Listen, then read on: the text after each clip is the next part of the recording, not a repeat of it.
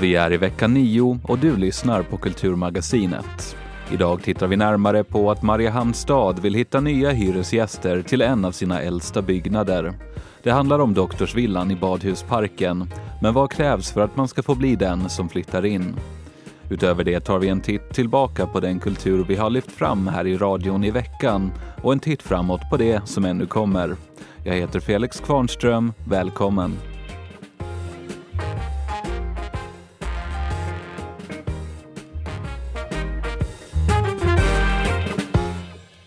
Under en renovering av Robert och Kaja Hancocks konstnärshem 2021 upptäckte brorsonen Mikael Hancock uppemot 50 gömda skissblock. Robert Hancock anses vara en av Ålands mest framstående målare under 1900-talet och finns representerad bland annat vid Ålands konstmuseum, Mariehamns stad och Anders Wiklöfs konstsamling vid Andersudde. Mikael Hancock berättar hur upptäckten gick till. Det gick till på det viset att jag hade ärvt eh, Robbes änka Kajas hus. Alltså det som de sammanbodde i i 27 år.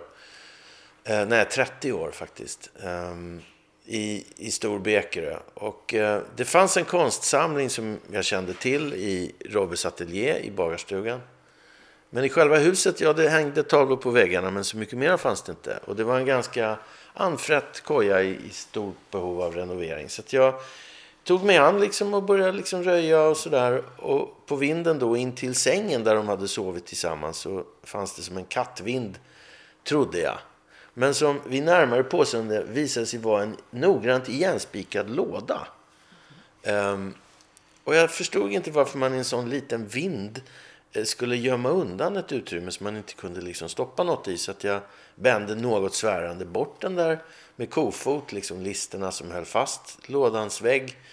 Och när jag lyfte bort väggen, ja, då visade det sig att där hade någon omsorgsfullt placerat då eh, Robbes samtliga skissblock.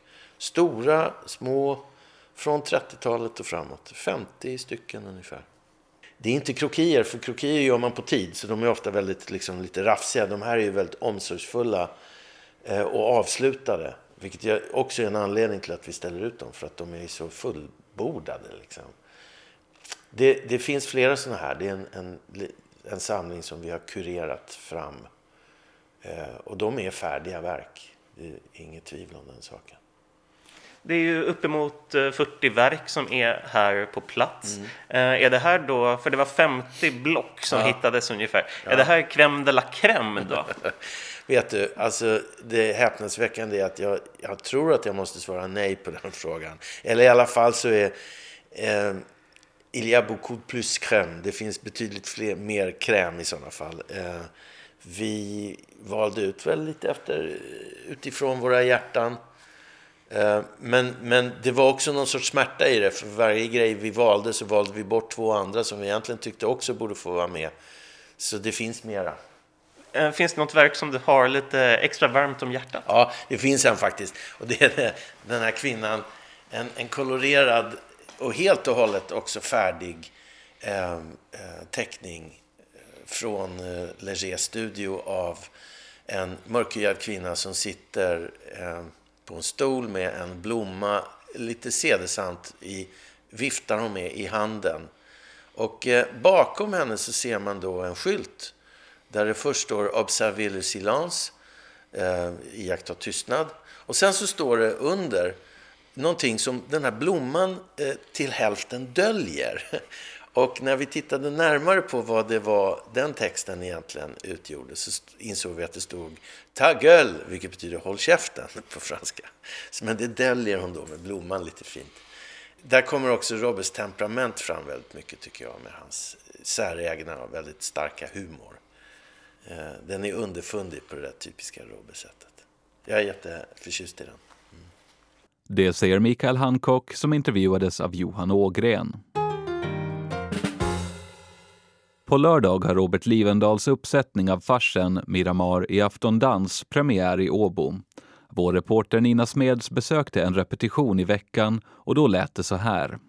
Det var väl så att vi hade eh, massa olika farser på förslag. Vi tänkte att vi skulle spela fars eh, en, av, en av uppsättningarna det här året.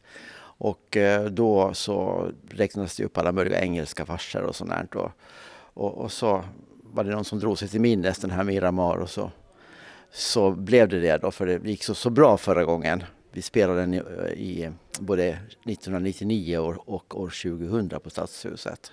Ja, det blir bara en liten aperitif i all enkelhet. Enkelhet! Vet du hur jag måste skura och damma och sopa hela det här huset för den enkelheten? Nå, då är det gjort.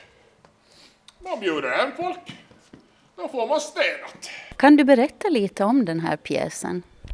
Ja, den utspelar sig 1969 och eh, jag var ju själv med på den tiden och vet hur det såg ut då med, med allt från mode och den musik som var då. Det var, det var så mycket spännande som hände det året. Och, och, och jag har liksom låtit handlingen kretsa kring en eh, familj då, eller två familjer egentligen. Det är alltså Mariehamns Frostfria som, som har personalfest på Miramar. Och eh, då har verkstadschefen Nils Runar Back bjudit hem personalen på en, en drink innan de ska åka på, på den här personalfesten. Och det borde han kanske inte ha gjort då. Gud vad kul det här ska bli! Skruvis! Wow! Hello, hello! Han har klätt upp sig. Style kissen. Style. Eh, och eh, sen är det ju också, samma år 1969 var ju också månlandningen. Så, så att pjäsen utspelar sig de två dygn som det omspänner den här månlandningen 20 och 21 juli 1969. Vävs det in i handlingen? Ja, det, det, det blir så ja. Det är också en nostalgitripp för sådana som hängde på Miramar. Ja, absolut. Eh, och de, de kommer nog känna igen en del. För jag har ju intervjuat mycket människor inför skrivandet av den här pjäsen. Eh, och som berättade historier då. Men det hände mycket roligt och tokiga saker där. Och, och, så att en del har kommit med i alla fall i pjäsen. Och sen har jag nu redigerat manuset inför den här uppsättningen. Och skrivit till också någon roll och så. Om man tittar på, på skådespelarna så är det ju väldigt många som inte var födda 1969. Hur mycket har du måste använda dina historielärartricks för att få gänget med på tåget? Ja, men jag har nog gjort det. Jag har berättat om Miramar och så här, och, och vi, det finns en hel sida i programbladet om Miramars historia och också om 1969, olika händelser då. Vad kan man som publik vänta sig av eh, en teaterkväll med er? Ja, att man ska få skratta. Ni har premiär i Åbo. När kan man se, ålänningarna se det här på hemmaplan? Ja, sen kommer vi hem på söndagen och då flyttar vi in på stora scenen i Alandica och så blir det premiär på fredagen den 11 i Alandica. I inslaget hörde vi regissören Robert Livendal som intervjuades av Nina Smeds. De frivilliga Pommerngastarna behöver en nytändning då pandemin gjort att den tidigare verksamheten gått på sparlåga samt att de tidigare trogna gastarna blir allt äldre. Men nu ska en kurs bli till och med den hoppas man på nya frivilliga krafter. Intendent Jesper Grönholm berättar mer om Pommerngastarnas verksamhet. Eh, Pommerngastarna är ett sällskap som har, har hållit på med att renovera Pommern. Volontärer på fritiden jag jobbar torsdagskvällar. Men det här är något som har varit aktivt sedan, sedan 80-talet. Men nu på grund av pandemin och så här så har vi lite färre deltagare än vi brukar ha. Vi har, brukar hålla sådana gastkurser tidigare om åren. Nu ska vi göra en, en liten nystart efter, efter pandemin. Mm. Så det, ni har inte egentligen kanske tappat så många men ni behöver ny rekrytering och eh, hur ligger det till där? Ja, då det som händer är att, att de blir äldre. Det har gastverksamheten har mest varit, varit pensionärer som har haft tid att hjälpa till och, och i och med att, att de blir äldre så skulle vi vilja få ett, ett nytillskott av, av lite yngre. Mm. Var hoppas du att de finns? No, jag hoppas faktiskt på de här nyblivna pensionärerna, de som har blivit pensionerade sig från sjöfarten eller från annan verksamhet inom de senaste åren som känner att de vill knyta an till det här och hjälpa till det åländska maritima kulturarvet. Ja, vad är det man ska göra då? Eh, Pommergastarna eh, tar hand om Pommern. Vi jobbar med rigg, med däck, med skrov och gör det underhållsarbete som förut gjordes av, av sjömännen ombord medan man seglar till och från Australien. Pommern är nu i, i bättre skick än hon har varit på många år men speciellt med det här riggarbetet så vill vi inte riktigt hinna med. Att där är det bra om vi skulle få intresserade som kan komma och lära sig hur man gjorde förr i tiden för att vi försöker ju faktiskt underhålla henne på samma sätt som det gjordes under 30-talet. Ja, riggarbete är ju inte kanske precis för var och en. Så att, eh, hur är det? Jag tänker om det kommer 20 så kanske inte, hur många, hur många går upp i riggen sen tror du? Nå, riggarbete kan faktiskt göras på däck också. Vi plockar ner delar och sen renoverar vi dem på däck och sätter upp dem tillbaka så att det finns nog jobb fast man inte vill klättra. Mm, men ni, ni brukar ha de som vill klättra också? Absolut, det är en, en viktig del. Vi, vi sätter ju segel på somrarna och det sker till stor del med frivilliga krafter. Ja, det är säkert lite sommarjobb och eh, även andra tider på året. Eh, hur är det uppdelat? No, det är uppdelat så faktiskt att det finns, finns två gäng idag. Eh, de består delvis av samma personer.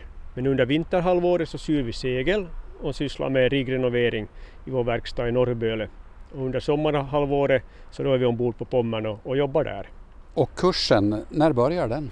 Eh, kursen kommer att hållas onsdagar och börjar den 23 mars. Det kommer att vara tre, tre onsdagar efter varandra. 23, 30 mars och 6 april. Mm. Och ehm, ja, ska man lära sig allt det där eller är det också sen tänkt att man får lite learning by doing? No, själva kursen faktiskt som hålls i Sjöfartsmuseets auditorium mellan 19 och 21 så fokuserar mera på den här uh, biten bakom sjöfartshistoria, Pommerns historia, allmän ålensseglingshistoria och kommer att, att vara på auditoriet. Själva arbetet sen det lär vi oss ombord medan vi håller på. Mm, så att man får egentligen en, eh, man får ett stycke maritim historia också i kursen. Eh, vilket ju kanske inte var det man tänkte allra först utan jag tänkte nog rent praktiskt på arbete och sådär. Ja, vi brukar alltid försöka väva in det här åländska kulturarvet. Vi kommer att ha kapten Allan Palmer och, och Hanna Hagmark från Sjöfartsmuseet som berättar om, om verksamhet och sådär, så det blir väldigt informativt. Det säger Jesper Grönholm som intervjuades av Kjell Brännström. Filip Karlström är kanske främst känd som gitarristen och ibland sångaren i band som Angstbadan Blues Trio och på senare tid även Blue Tonics. I veckan pratade han med Tua Åström om hur det är att spelningarna på den svenska sidan sakta börjar komma igång efter pandemin, att utbilda sig till musiklärare efter att ha jobbat i butik och vad det var som fick honom att vilja börja spela blues. Det är ju en bra fråga. Mm. Nej men jag, jag är sån här fiolbarn eh, ursprungligen. Det är ju liksom min väg in på musik, att jag spelade fiol som liten. Och det gjorde jag för att mina stora syskon gjorde det och man harvade på mest för att det var det man skulle göra. Tänkte man då, eller tänkte man då. Men, men, men sen så, så, så var det, det gick någon sån här mediskurs på, på Fövle grundskola, eller skola. Där man kunde ta en kvart lektion i veckan. Och då så fick man spela lite gitarr då. Och sen så fastnade jag på, på uh, Jimi Hendrix var det som jag fick sen i 15-årspresent fick jag Best of Jimi Hendrix. Oh, men alltså och, och, smusslade du undan fiolen lite diskret? Ja, eller? precis. Sen blev det ju det här stora sveket när man kom till, till Stefan Kemmet där på Musikinstitutet och sa att idag är det sista gången. ja, nej men så, så det är via liksom den här Jimi Hendrix-kopplingen som mm. jag kom in på blues. Okay. Och där finns det ju för vissa en tydligare än för andra koppling då mellan hans musik och, och bluesmusik. Då. Mm. Alltså yes. du bor i Stockholm. Yes. Eh, vad jobbar du med där då? Hör du, jag, har, jag jobbar som jobbar i en musikbutik tills i höstas. Eh, då började jag studera igen. Så nu går, går jag en sån här distansutbildning då med pedagogiskt tillägg, paket då på min konstnärliga kandidatexamen som jag har i musik då. Musiklärare alltså? Yes, så det är det, det som blir här som näst har jag tänkt. Okej, okay. ja, mm. men är det inte en ganska vanlig väg för musiker att ta? Jo, det är det och jag har inte varit så intresserad av det faktiskt för att jag har tyckt att det var så tråkigt för att alla, alla gör det. Men, men sen har man stått och liksom i musikbutik då liksom, då jobbar man ju praktiskt taget med musik på ett sätt men det är ju, man jobbar ju bara egentligen runt grejerna sådär och det är ju väldigt kul. Men eh, det är ju musiken som, som spelar roll det, det, här, den här gamla sägningen att det inte sitter i grejerna, det, det stämmer, kan jag avslöja. Ja. Efter vissa års av insiktsskapande så har jag kommit fram till det. Ja. ja. Och det är alltså en av orsakerna också till att du har varit på Åland lite här nu? Ja, precis. Att, att du håller på med det här väl? Exakt, jag har varit och vikarierat på Övernäs och lite på Musikinstitutet. Hur tycker du det då? Ja men det är kul faktiskt. Även de som, som inte tycker det är kul med musik så, så är det kul. Man får ju liksom chansen att, att vara den här personen som man själv kanske ville ha när man var i den åldern. Om, det, om man ser det, det är inte alltid man ser det behovet hos alla. Liksom. Men, men ja, och, och faktiskt tycker att det är väldigt inspirerande att jobba med, med unga. Men alltså hinner ja. du med något spelande? Också? Ja, man, man försöker. Nu har det ju varit så här passligt att vi har haft den här pandemin som ju har saktat ner spelandet ute på live-scenerna sådär. Men, men nu ser man ju hoppfullt på verkligheten igen, inte minst i, i Sverige där vi officiellt har slutat med pandemin nu här en vecka tillbaks. Ni satte punkt för den. Ja, exakt. Ja. Så, så nu så håller vi på att boka lite här för vår och höst med respektive band. Då. Så har, har ni då massor av spelningar att välja och vraka mellan nu eller, eller är det som i andra, vissa andra kulturområden att det liksom har köat upp sig lite grann så det är väldigt ja. mycket som står och väntar? Så är det ju. Vi har en par grejer nu som, som vi hade liksom bokat eller som har bokats när det har gått, när man har trott att det skulle kunna gå att genomföra dem men sen har det skjutits på. Då. Så att vi har en par sådana grejer som kommer nu främst i vår. Um, men sen är det ju, ja, man möts ju av att det är, det, är må, det är många andra som ringer och sådär. Och det är ju inte så mycket att göra åt att bara liksom nöta på tills man har några bokade gig. Mm. Men, men det finns ju absolut en vilja bland både arrangörer och ja, såklart musiker att, att komma igång. Och publik. Man måste ju också hjälpa dem som annars hjälper en när det, när det är som vanligt. Det vill säga att då måste man ju hjälpa de spelställena som ändå försöker. Mm. Så att jag spelat i mycket Gamla stan på, ett, ja, på Stampen som är ett anrik, en anrik lokal. Ett härligt ställe. Mycket härligt. Ja. Så där har jag varit en del av de här eh, banden då som har försökt spela trots restriktionsbestämmelser då helt enkelt mm, på hur många mm. som har publik. Och, och, nu när det har släppt så har det ju varit, det är ju verkligen alltså av och påläge hur många som kommer dit. Och det är inte bara med hur många som får utan det är ju det är annat också som spelar. Mm. Det säger Filip Karlström som intervjuades av Tua Åström.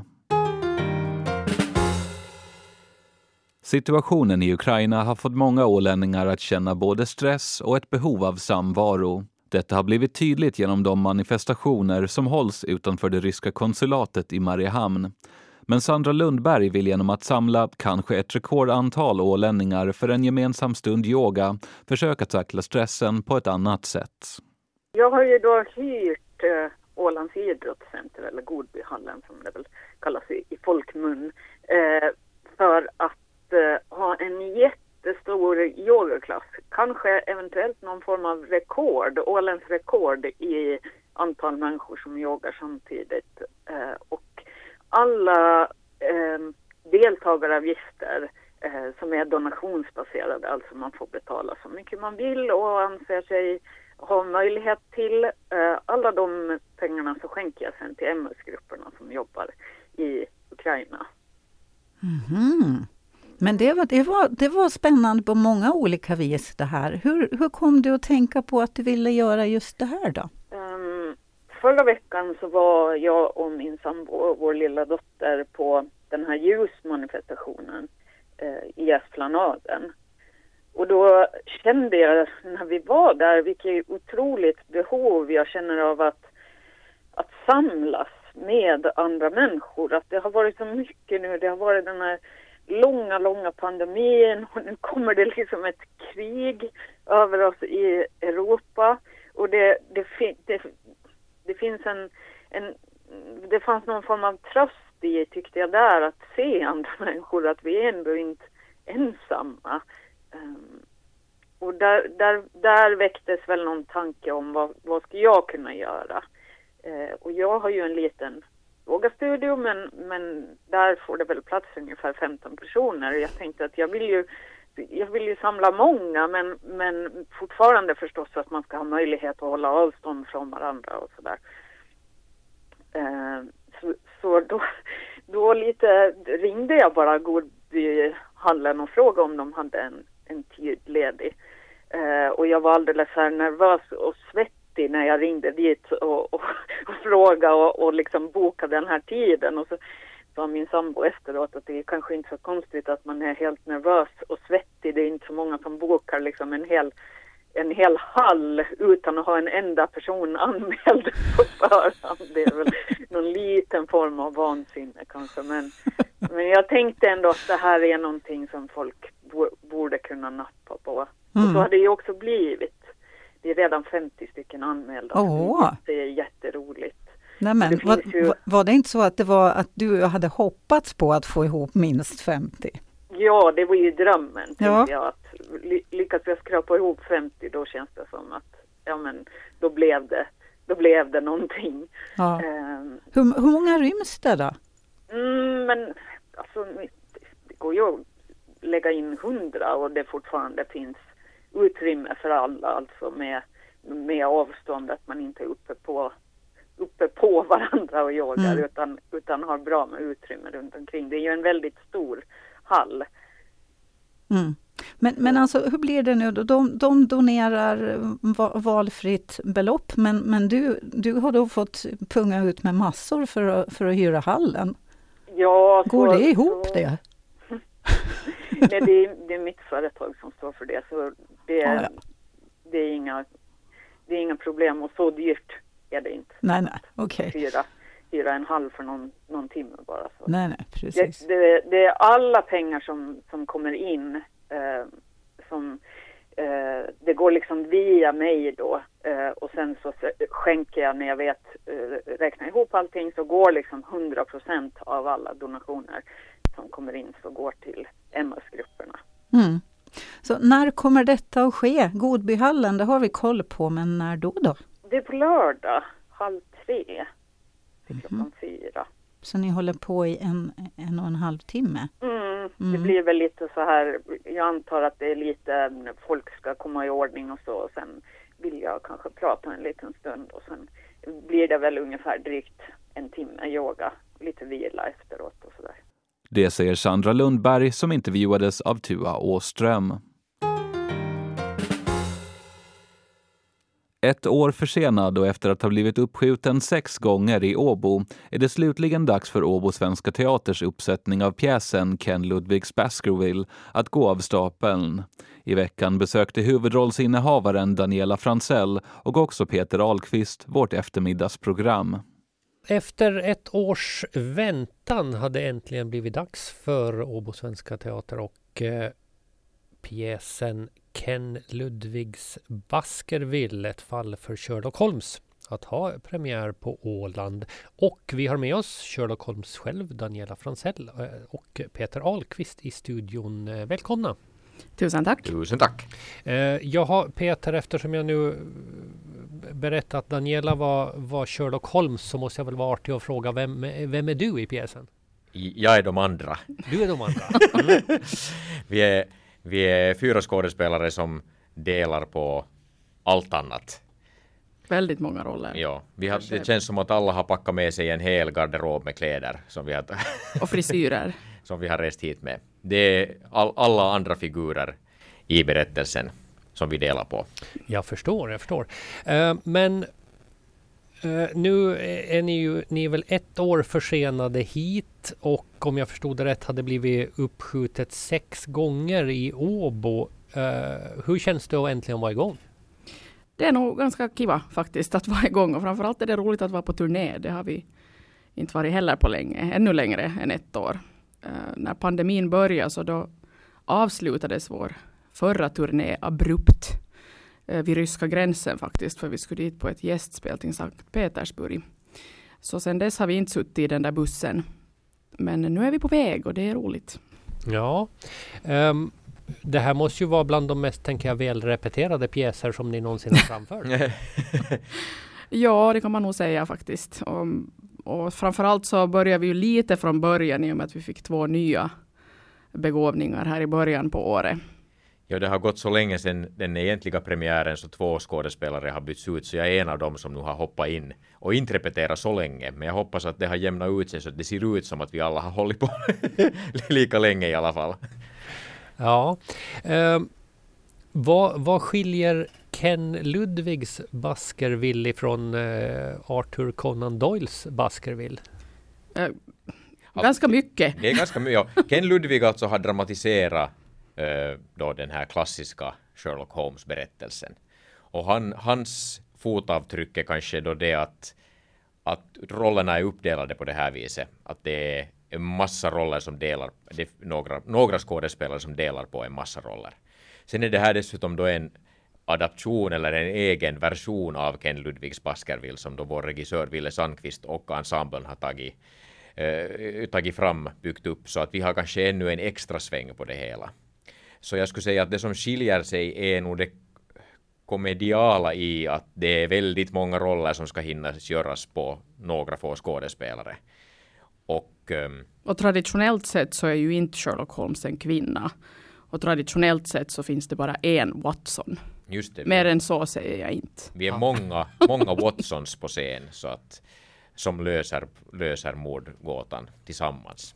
Det säger Daniela Fransell och Peter Ahlqvist som intervjuades av Peter Grönholm. Sedan början av denna vecka söker Mariehamnstad en eller flera hyresgäster till Doktorsvillan i Mariehamn. Det finns en hake och det är att staden vill att hyresgästen ska hjälpa till med renoveringen. Vad är det då som avgör vad man får och inte får göra i en historisk byggnad? Och är det bästa sättet att bevara ett gammalt hus att hålla det i originalutförande eller att förnya det för att det ska kunna fortsätta användas? Vi hör stadens infrastrukturchef Kai Söderlund. Doktorsvillan är för det första en, en, en pärla i badhusparken. Det är en del av det gamla badhusbyggnadsområdet. eh. Och det byggdes på 1890-talet som en läkar och gymnastiklokal i närheten av badanstalten. Och den har vi ingen hyresgäst på just nu. Och då har vi diskuterat olika alternativ. Och det finns en kommitté som har tagit fram en slutrapport och på basen av det skulle det då ges ut till någon som är intresserad av att hyra den. Precis. Eh, du pratar lite om husets historia här. Visst är det väl en, en Larsson-byggnad? Ja, det är det. Det är ju en jättevärdefull byggnad och eh, just av den orsaken så har det lagts ner ganska mycket arbete på att beskriva hur en sån här renovering ska gå till. Och det finns då handlingar på hur huset ska renoveras och de delar vi ut till de som är intresserade som får bekanta sig med vilka krav då det finns eller behov det finns för att sköta om den här byggnaden. Precis. Det finns i anslutning till den här artikeln på hemsidan ett dokument som heter Prospekt för doktorsvillan. Eh, men om vi tar det i en så väldigt komprimerad form, vad är det lite ni, ni förväntar er i så fall? byggnaden utvändigt så är nyligen målad och den är i bra skick utvändigt. Det som ingår i det här projektet är att dels renovera den västra delen som har varit senast som kontorsutrymmen och återställa den östra delen som har fått eh, förändringar under årens lopp. Eh, målsättningen är att doktorsvillan ska återbördas i den form som doktorsvillan var förut, dock med beaktande till viss del modern eh, vad ska jag säga, teknik. Eh, det får inte bli för stora eh, ingrepp i doktorsvillan så att doktorsvillans värde då skulle försämras. Och därför finns det då eh, ett tydligt dokument som styr renoveringen. Hur har ni tänkt kring den här kompromissen? Jag antar att det är ganska svårt att dra upp en linje mellan gammalt och nytt i det här fallet. Att bevara betyder ju inte alltid att man ska hålla någonting i, i sitt ursprungliga skick. Eh, speciellt med fastigheter så är någonting kanske egentligen bättre bevarat av att det kan uppdateras och fortsätta användas. Ja, just för den här fastighetens skull så har det som sagt varit en egen kommitté och de har gjort de där avvägningarna i kommittéarbetet. Eh, det är så att den här byggnaden har egentligen aldrig varit året runt bruk. Så förslaget bygger på att det skulle vara evenemang och uthyrningsverksamhet i den västra delen eller kaféverksamhet sommartid. Och de, på östra delen så var det ju såna här salar och de salarna skulle då återställas och kunna användas eh, som komplement till den här västra delen. Så det här är en, en, vad ska man säga, ett försök eller en ansträngning för att behålla en bit av gamla Mariehamn som en del av det, det nya, det, det moderna Mariehamn. Uh, utan att för den delen det blir en, någon form av museiföremål. Och nu har ni inte egentligen haft den här ansökan efter en hyresgäst ute i mer än några dagar. Men vet du om det finns något intresse för det? Nu är det ju en, en ny fråga och jag tror att de som är intresserade, det kommer säkert att finnas intresse för doktorsvillan. Vi har haft intresse för doktorsvillan redan tidigare, men för annan användning då. Men eh, enligt det här konceptet så eh, är det nog, de, de som är intresserade behöver nog sätta sig in i vad det är vi letar efter. Det är ju inte att man bara flyttar in i en byggnad och, och bara hyr den, utan här kommer också åligganden eller, eller krav på den som, som vill hyra. Så jag tror att man, man måste nog i lugn och ro sätta sig in i det här, men jag, jag vill ju gärna ha en diskussion oberoende med de som är intresserade av att hyra doktorsvillan. Eh, för det kan ju bli något annat spår om det inte finns intresse för just det här alternativet. Var det i fjol som det talades om att eh, när Tallships Race kom till stan så skulle Doktorsvillan kunna fungera som någon sorts huvudkontor för, för, jag vill säga festivalkommittén, jag minns inte exakt vad det var man kallade det för. Uh, nu heter det väl att Tallships Race ska komma förbi här i år. Uh, finns de planerna kvar alls? Men nu är det ju så att det här är ju meningen att den här ska hyras ut för den entreprenör eller det företag eller den person som, som eh, vill nappa på det här. Det går säkert att hitta samarbetsmöjligheter med Torshipsorganisationen men då är det i så fall ut, upp till den som hyr doktorsvillan i det skedet. Jag sitter och läser igenom det här dokumentet med prospekt ja. och, och, här ja. finns också en sammanfattning av historien. Ja. Uh, byggnadens historia där den är byggd 1897, ritningarna ja. är daterade 1895 eh, från ja. Lars Sonck. Sen har huset blivit ombyggt 1940 och renoverat i en runda år 1990 ungefär. Ja. Så för 32 år sedan. Men eftersom, eh, vad ska man nu säga, en, en byggnad är ju ofta i någon liksom ständig form av förändring. Att, att ja. man putsar på den lite, man bygger kanske till, man bygger om. Ja. Um, och, och, nu när man tittar på en rad nya renoveringar, hur, eh, hur ska man behålla liksom själen i en historisk byggnad? Är det kanske ja. det som är det viktigaste? I det här fallet så har ju de renoveringar som har, renoveringar som har gjorts tidigare, eh, de har gjorts i det senaste till exempel är gjord i syfte att inreda kontorsutrymmen i den västra delen. Och det har ju då ändrat på, på, på strukturen i huset och det är målsättningen nu är att återställa eh, den västra delen från eh, en modern kontorsverksamhet till mera anpassad verksamhet till det gamla huset. Så man går lite steg tillbaka på ett sätt i renoveringen eh, från den här senaste renoveringen som gjordes för kontor. Vad händer ifall ni inte hittar en hyresgäst? Vad, eh, vad blir husets framtid i så fall? Huvudfokus just nu är att ta steg ett i det beslut som fullmäktige har tagit, det vill säga att ge utbyggnaden till en hyresgäst som ordnar också renoveringen. Eh, på det sättet får vi kanske kontakt med intresserade hyresgäster och eh, om vi inte får någon att nappa på det här spåret så finns det en skrivning om en väg, en annan väg, att eh, staden skulle åta sig renoveringen men då ta hyra för både renoveringen och, och kommande driftskostnader i ett, lång, i ett avtal då med en hyresgäst. Eh, det är lite annan form, men vi tar det stegvis. Vi tar det här ste första steget först, för det är så som huvudspåret är. Mm, precis. Det finns inget scenario där doktorsvillan eh, blir lämnad tom och övergiven. Ja, det får vi se om det, hur stort intresse är med de här alternativen. Och om de här alternativen eh, inte går hem så får vi väl ta en ny diskussion. Alltså doktorsvillan är så värdefull så att doktorsvillan kommer att stå kvar där i bra skick oberoende hur det går med det, just det här med hyresprojektet. Det säger Kai Söderlund. Till sist ska vi ta en titt på vad som finns att se och göra framåt. På lördag kan du på Ålands museum lyssna på ett föredrag om gravritualer på Åland under järnåldern och gravhögarnas hemlighet som ges av enhetschef Jan Storå och vikarierande antikvarie Freja Rowe. Museet ber besökare boka plats i förväg. På söndagen ger museet en guidad rundtur på ämnet spetälska. Mer exakt om spetälskekolonin på Glosskär under 1600-talet under ledning av Geir Henriksen. Guidningen alltså, inte kolonin. Även här bör man boka sin plats i förväg. På onsdag nästa vecka uppträder ståuppkomikern Magnus Bettner på Bio Savoy.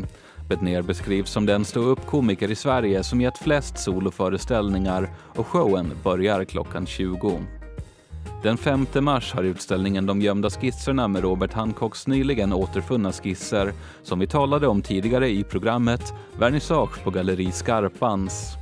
Andra utställningar du kan se just nu är Ålala, Mitt Åland av Johanna och Monique Lundberg på Galleriet, Juha Pyckeläinens Blåland på Ens, samiske Anders Sunnas Bureaucratic Colony på Galleri Nipo.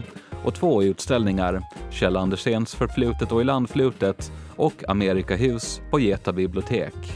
Dessutom ser du konstutställningen Mitt blåa Åland som är en del av vinterfesten både i Mariehamnstads bibliotek och i Kulturkällaren fram till och med den 13 mars.